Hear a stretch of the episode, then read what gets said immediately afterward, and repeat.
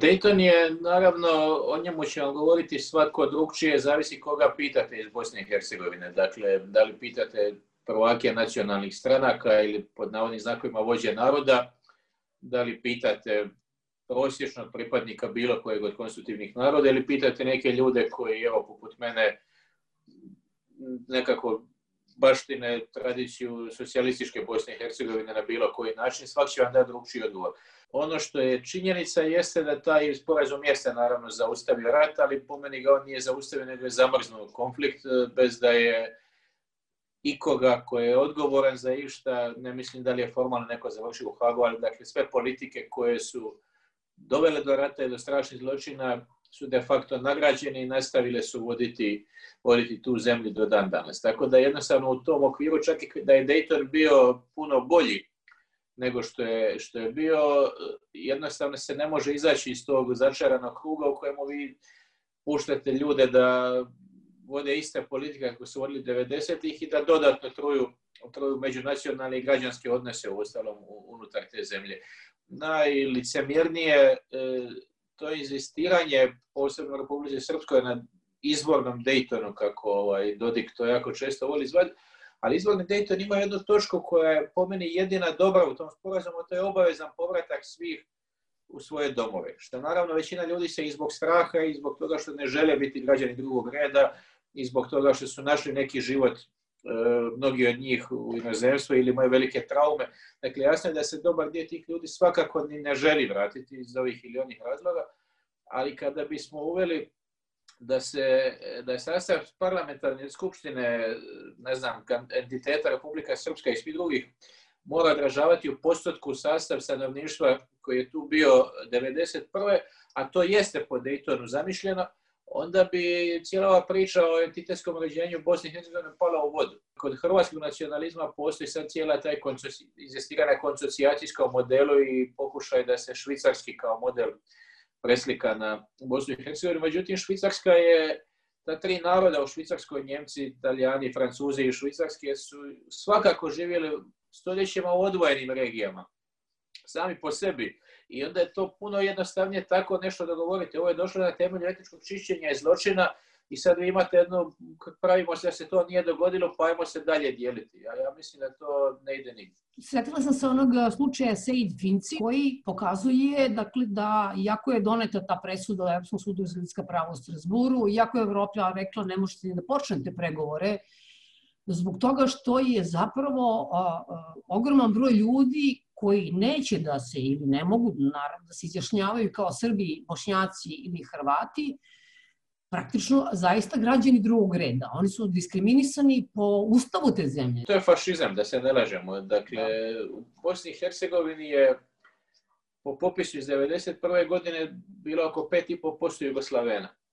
Pa, a oni su bili nezavisni od ostalih. Ostalih je bilo još par posto, puno manje, 1, 2, 3 E, ok, vrlo vjerovatno, mnogi od tih ljudi se danas tako ne bi izjasnili, e, mnogi su iz političkih, oportunističkih razloga misli da im se bolje izjasni kao Jugoslaveni, ali postoji jedan broj ljudi koji su zaista i imali taj osjećaj, koji su iz, ne znam, miješanih brakova, koji pripadaju svim tim narodima istovremeno a autohtoni su tu, to nije neka manjina koja je sad naknadno došla pa ne znamo što ćemo s njima u ustavu i društvenom uređenju, to su ljudi koji tu također žive stoljećima. Sljedeći Finci su kao pripadnici dvije autohtonih također, ali jako malih zajednica sefarsko-židovske, odnosno sefarda ponaj pa najpriješke škenazi su kasnije došli, ali sefardi su e, puno duže u Bosni i Hercegovini, e, dakle kao pripadnici židovske i romske zajednice, E, uložili tu žalbu da se oni ne mogu kandidirati za člana predsjedništva. Europski sud za ljudska prava presudio, ali ne samo tu, još čitav niz presuda je sud za ljudska prava presudio da Bosna i Hercegovina mora e, provesti, što se nije provelo. Ja, se, ja pretpostavljam da će što se tiče ovoga slučaja se na kraju nekako to riješiti pa će, pa će predsjedništvo dobiti još jednog, još jednog člana, ali to ne, to ne menja E, čitav sistem. Čitav sistem je sljedeći. Ako ste vi Srbin iz Mostara ili iz Sarajeva, vi uopće ne možete biti član predsjedništva. Dakle, e, može biti samo Srbin koji živi na području Republike Srpske.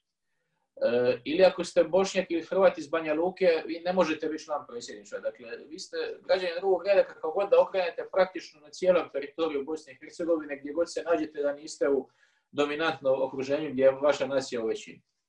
Koliko sam mogla da vidim, ne znam da li je to tačno, da je tu reč o recimo skoro 400.000 ljudi ili više od 10% stanovništva koje je zapravo na taj način tako brutalno diskriminisano. To je, to je točno, međutim, e, ne događa se nikakva bitnija pobuna, prvo zato jer su ljudi odustali od ideje da bi se išta moglo promijeniti, drugo većina ljudi naravno, drugo zato što je strašno veliki broj ljudi otišao iz te zemlje, Mislim, onaj popis je lažan koji je rađen 2013. pa tek nedavno se obavljeni rezultati, evo sad bi trebao biti novi 2021. E, puno ljudi se iz e, nekih e, sentimentalnih razloga i želje da stvarnost ne izgleda tako grubo kao što je zapravo jeste izjasnilo da žive u Bosni i Hercegovini, poslala i poštom ovaj, ispunila taj formular, ali realno puno, puno manji broj ljudi živi tamo nego što na papiru piše i ta brojka je manja iz dana u dan. Tako da ljudi su uglavnom digli ruke i masovno odlaze iz te zemlje, pa ja i ne znam više da li je 400.000 jeste bilo, ali s vremena će taj broj biti manji, kao i svih ostalih e, ljudi u Bosni i Hercegovini. Dragane, recimo da naša publika a, e, zna prilično kako, kakve su pretenzije Srbije Dodika, on je tu svaki dan praktično u Beogradu i tako, da, da nam, malo da nam približiš taj odnos koji Hrvatska ima prema Bosni i Hercegovini. U Bosni i Hercegovini postoje ozbiljno paralelne stvarnosti. Postoje tri sigurno, a postoje vrlo vjerojatno i četvrta, ta neka građanska ostacija, građanske lijeve, kako god je želite zvati, sve malo brojnije. I često se, ne znam, događa da ljudi vjeruju da je jugoslavenski prostor jedinstven, pa jeste u medijskom, kulturnom smislu sve što se događa, što ja znam u Sarajevu, Zagrebu, Beogradu, vrlo lako dolazi, pronalazi put do publike, ali to je puno integrirani prostor od same Bosne i Hercegovine. Možete dogoditi nešto u Banja Luci, na kulturnom polju, da niko van, niko u Sarajevu ne zna da se to događa. I obratno, nešto se događa u Sarajevu, to niko ne zna u Mostaru, imate Mostar Film Festival. U Sarajevu ljudi jedva i znaju da to, dakle, ta zemlja je potpuno e, razbijena kao nekakva društvena zajednica. Ona, ona trajno više ne postoji. Što se tiče Hrvatske, Ja tu moram reći da je, da je Hrvatska, e, da je Franjo Tuđman naravno želio dijeliti e, Bosnu i Hercegovinu. E, Baš planiram nešto sutra za oslobođenje pisati. Mislim da tom ratu Hrvatskoj ratu sve govori jedan podatak. Danas je dan kad mi razgovaramo dan e, pada Vukovara i svega onoga što je on nosio. Ali istog tog dana, iste godine, osnovana je Hrvatska zajednica Herceg Bosna. To sve govori o hrvatskom, o hrvatskom sudjelovanju u ratu. S jedne strane, naravno, jedna žrtva i napad koji se dogodio, a s druge jednako agresivni ovaj, nacionalizam prema također međunarodno priznatoj susjednoj državi, koji je na kraju završio u rušenju starog mosta koji se konceptualno ni civilizacijski ne razlikuje ni po čemu od rušenja Dubrovnika. E, dakle, jedna vrlo, vrlo cinična politika koja je e, koja nije imala većinsku potporu u Hrvatskoj. Ja bar tako mislim. E, ja, ona čak nije imala, mislim, kardinal Franjo Kuharić, za kojeg sve možemo reći, osim da je bio komunist ili ne znam ja što, dakle, bio takođe hrvatski nacionalist i, mislim, ključni čovjek e, Kapitola, je bio javno protiv tog e, uplitanja u ratu u Bosni i Hercegovini. Kompletna opozicija je od nacionalističke do liberalne bila javno protiv. Kad je došlo do presude čelnicima Herceg Bosne, pa između ostalog i Tuđman spomenut, E, tu sad već vidite koliko je, koliko je išlo u regresiju u zadnje vrijeme. Dakle, sad je puno veći broj ljudi to doživio kao nepravdu.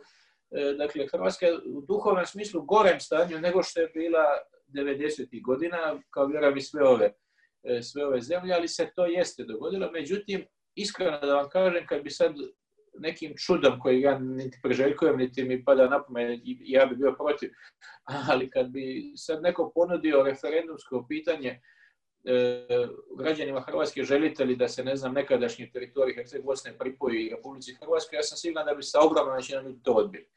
Naravno, ima tu i kultura rasizma prema Bosni i Hercegovini generalno, pa i predrasuda, pa i prema Hrvatima iz Hercegovine također, koji su iste nacije. Ima tu sve u tom paketu, ali to u općoj populaciji ne, e, nema podršku e, na taj način. Međutim, ono što ima je da je HDZ E, koji ima svoju sestrinsku stranku u Bosni i Hercegovini naprosto koristi politički na svaki mogući način te ljude e, i dugoročno radi e, štetu njima samima. Zato što će, činjeni da ste im dali državljanstvo, da su to sad već državljani Evropske unije, svi oni, oni pomalo otići, oni će Bosnu i Hercegovinu, HDZ će na kraju isprazniti i, i Hrvatski, Bosni i Hercegovini zajedno Hrvata vrlo brzo. Ostaće po meni teška manjina u, u Bosni i naravno taj jedan kompaktni pojas e, u Hercegovini uz granicu će vjerojatno za uvijek ostati e, ovaj, većinski sa 100% hrvatski, ali to će biti u značajno manji postotak i broj ljudi nego sada. Međutim, ono što mislim da je, da je ovdje bitno za napomenuti da e, postoji jedan lijepi sentiment kojeg ja volim i cijenim i to su moji prijatelji, mogu tako reći i u Srbiji i u Hrvatskoj, koji zbog vlastitih moralnih izbora 90-ih E, a priori misle da su isključivo problem Srbije i Hrvatska koji jesu problem da. e, u Bosni i Hercegovini. Međutim, i Dodik i Čović su vječni, a i Vučić će se promijeniti kao što je bio i Tadić, kao što je bio Plenković, bio je Karamarko, bio je Milanović, bio je Sipović, zato što nema nikakvog smisla misliti da, da ovi upravljaju s njima, ne upravljaju, to ti ljudi vrlo samostalno djeluju, to je, to je, to je zacementirano stanje postratno i vječno će vladati, neovisno o tome ko vlada u Srbiji i Hrvatskoj, kakva je politika Srbije i Hrvatske. Niti je njima u interesu zapravo da se izvoje iz te zemlje. E, zašto bi Dodik u, u nekom, to pustimo to što on govori, ali zašto bi on bio neki nebitan čovjek u nekakvoj većoj Srbiji umjesto apsolutni gospodar polovice Bosne i Hercegovine. Pa nešto nam kažeš o tome što si nazvao državotvornim nacionalizmom. Je To je nešto što, je, što sam se ja zamjerio, naravno, mnogim ljudima koji, s kojima sam dobar i s kojima sam u mnogim stvarima isto mišljenik. Ovdje nisam, dakle, to nije puki bošnjački nacionalizam, njega je lako prepoznati i on je, on djeluje po istim obrazcima kao, kao i ova dva, iako se kamuflira e, domoljublje prema državi ali i nekakvom inkluzivnošću prema ljudima koji prihvaćaju Bosnu i Hercegovinu. Međutim, ovo je nacionalizam ljudi koji, koji sebe iskreno doživljavaju da su građanske orientacije, da su ljevičari i zapravo će se i uvrijediti kad im se kaže e, da ste se eventualno nacionalisti, ali ono što ja vidim, to je identično identična glorifikacija države kao takve kao u Hrvatskoj, recimo. E, nevjerojatna strast prema nogometnoj reprezentaciji, naravno iz patriotskih pobuda, nevjerojatna e, emocionalna vezanost uz državu kao pojam i kao ime i prezime te države, e, e, nevjerojatna nevjerojatna ljutnja na nekoga ko je protiv države, dakle, to su klasični obrasci nacionalističkog ponašanja. Po meni ne možeš biti ljevičar, a glorificirati bilo koju državu samo po sebi. Mislim, društvo je bitno i sadržaj države je bitan. E, to je ono što ti ljudi, mnogi od njih ne vide, E, ja znam zašto je to tako, to je posljedica rata i se da dobar dio bosansko-hercegovačkog društva i građana ne prihvaća tu zemlju e, i ne žele u njoj biti, e, to je sve točno i kažem razumijem koji su motivi, ali, ali po mom sudu će taj, ako hrvatski i srpski su uspjeli u mnogome uništiti Bosnu i Hercegovinu, ali nisu ubili, ja mislim da bi ovaj mogao dokrećiti. Zato što to takav pristup odbija prihvatiti neke činjenice koje meni nisu drage. Ja bih bio najsretniji da ne postoji Republika Srpska. Ja bi bio najsretniji da se ovo ništa nije dogodilo i da živimo u jednoj građanskoj Bosni i Hercegovini. Za njih ću se uvijek zalagati gdje naravno sva tri naroda imaju pravo na neke osnovne, mislim, zaštitu nacionalnih, nacionalnih prava. Ali činjenice, ne, možete, ne možemo negati činjenicu da, da ste sad smijenili, da sad smijenite Dodika, doći neko isti takav. E, zato što ogromna količina ljudi na tom prostoru to želi. Isto tako ogromna količina ljudi podržava politiku HDZ-a i podržavaće je vjerojatno još desetljećima. E, dakle, što da radimo s tim ljudima? Oni su jednako naši sugrađani kao i, i oni koji dijele naše stavove. E, e nasilu ih tjerati na nekakvu vrstu domoljublja ili slično, mislim da ne, to samo može biti kontraproduktivno. Jedino što je moguće je da se nađe neki zajednički nazivnik kako da idemo dalje i da se poštuje Ustav. Mislim, taj ustavni patriotizam, to je jedino što ja vidim kao nekako rješenje u Bosni i Hercegovini. Postoji un, unutar, e, u Sarajevu, ponajprije, kada kažem Sarajevo, mislim, ne mislim ne samo na grad, nego mislim na, na taj politički kontekst, postoji jedna, jedno snažno nastojanje i želja da se promijeni Dejtonski sporazum koji ja, recimo, dijelim. Ja mislim da se on mora negdje promijeniti. Postoji jedna snažna izražena želja u hrvatskom političkom korpusu, većinskom naravno, da se izborni zakon i sve ovo što je proizašlo iz Daytona promeni i da ode na ruku praktično HDZ-u da može birati koga hoće. E, I postoje naravno izražena, izražena želja Republike Srpske unisona da se Dayton ne mijenja. E, ja ne vidim, e, dakle ja ne vidim, ja, ja se bojim da će ovo završiti kao bez bombaša samoubojica i sličnih stvari, ali kao jedno status quo u Palestini i Izraelu. Ja, ja ne vidim da se taj Dayton novi ili kako god to zovemo, dakle nekakav temeljni preustroj Bosne i Hercegovine može dogoditi. Zašto? Zato što bi, jedan put je da se dakle dogovore političke elite sva tri naroda što nema šansi, a drugi je da postoji nekakva i međunarodna zajednica koja je jedinstven entitet koja će prisiliti i može ona to napraviti, ali taj jedinstven entitet ne postoji. Ne, nisam od teoretičara zavjere, ne mislim da je međunarodna zavjera srušila Jugoslaviju, mislim da smo je sami srušili, e, mislim da su naši narodi, odnosno da smo mi prigrlili to nasilje i nacionalizam i da smo ga podržali, da smo sami sve za to krivi, ali ali mislim da je međunarodna zajednica napravila veliku grešku, a nisam siguran da to greška ili je to svjesno, oni su potpuno imali, e, i dan danas je Bosna i Hercegovina realno protektorat, e, dakle ona jeste protektorat, oni su morali po meni naprosto suspendirati lokalne partije, zabraniti svaki politički život, nametnut 15, 10 ili 20 godina apsolutnu vlast e, međunarodne administracije i urediti tu zemlju na način na koji misle da, bude, da bi trebala biti funkcionalna i to je tada moglo proći ja, ja sam vrlo pesimističan po budućnosti, ali ne mislim da će biti ništa radikalno drugčije. Biće ovo kako je sada i to je to. Da, ali to što si ti rekao što se vidi golim okom kada se putuje recimo iz Beograda u Sarajevo, da se ta zemlja strahovito brzo prazni. Nema nikoga, pa vozite se, ne morate od Beograda isto, gdje god se vozite. Vozite se Hercegovina, možete li istočnom, gdje koja kao u Republici Srpskoj, ili ćete samo, ne, ajde zapadne i naseljena, ali idete od posušja prema Jajcu ili ne znam, prema sve Zagrebu, pa nema živa čovjeka nigdje. Mislim, to je, to je jasno kao dan.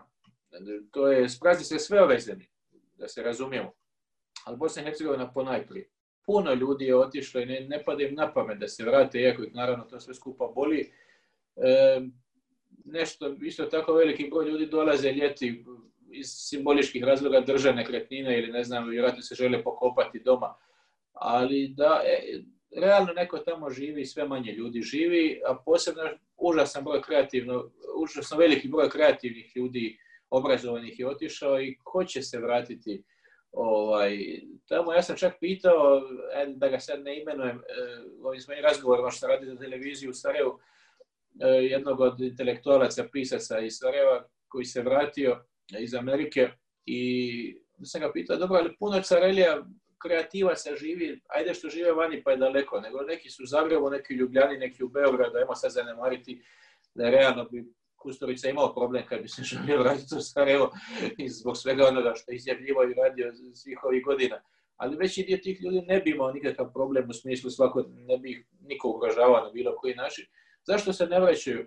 onda mi on rekao jednu stvar, nije, i njega je zanadilo pitanje, toga je dosta, ako se zamisli, rekao je, pa ako je ovo jedinstven kulturni prostora jeste, možemo reći da su, ne znam, Ljubljana, Zagreb, Beograd, Manhattan, a da je Sarajevo slam. I grozno zvuči, ali zašto bi se, kaže, iko vratio na lošije ako je uspio tamo gdje je bolje? A to je, to je nažalost točno, ali je pitanje zašto je u Sarajevu lošije. Sarajevo ne bi trebalo biti lošije po, po nijednoj realnoj osnovi, osim po ovoj da se ne može uspostaviti nikakva funkcionalna država.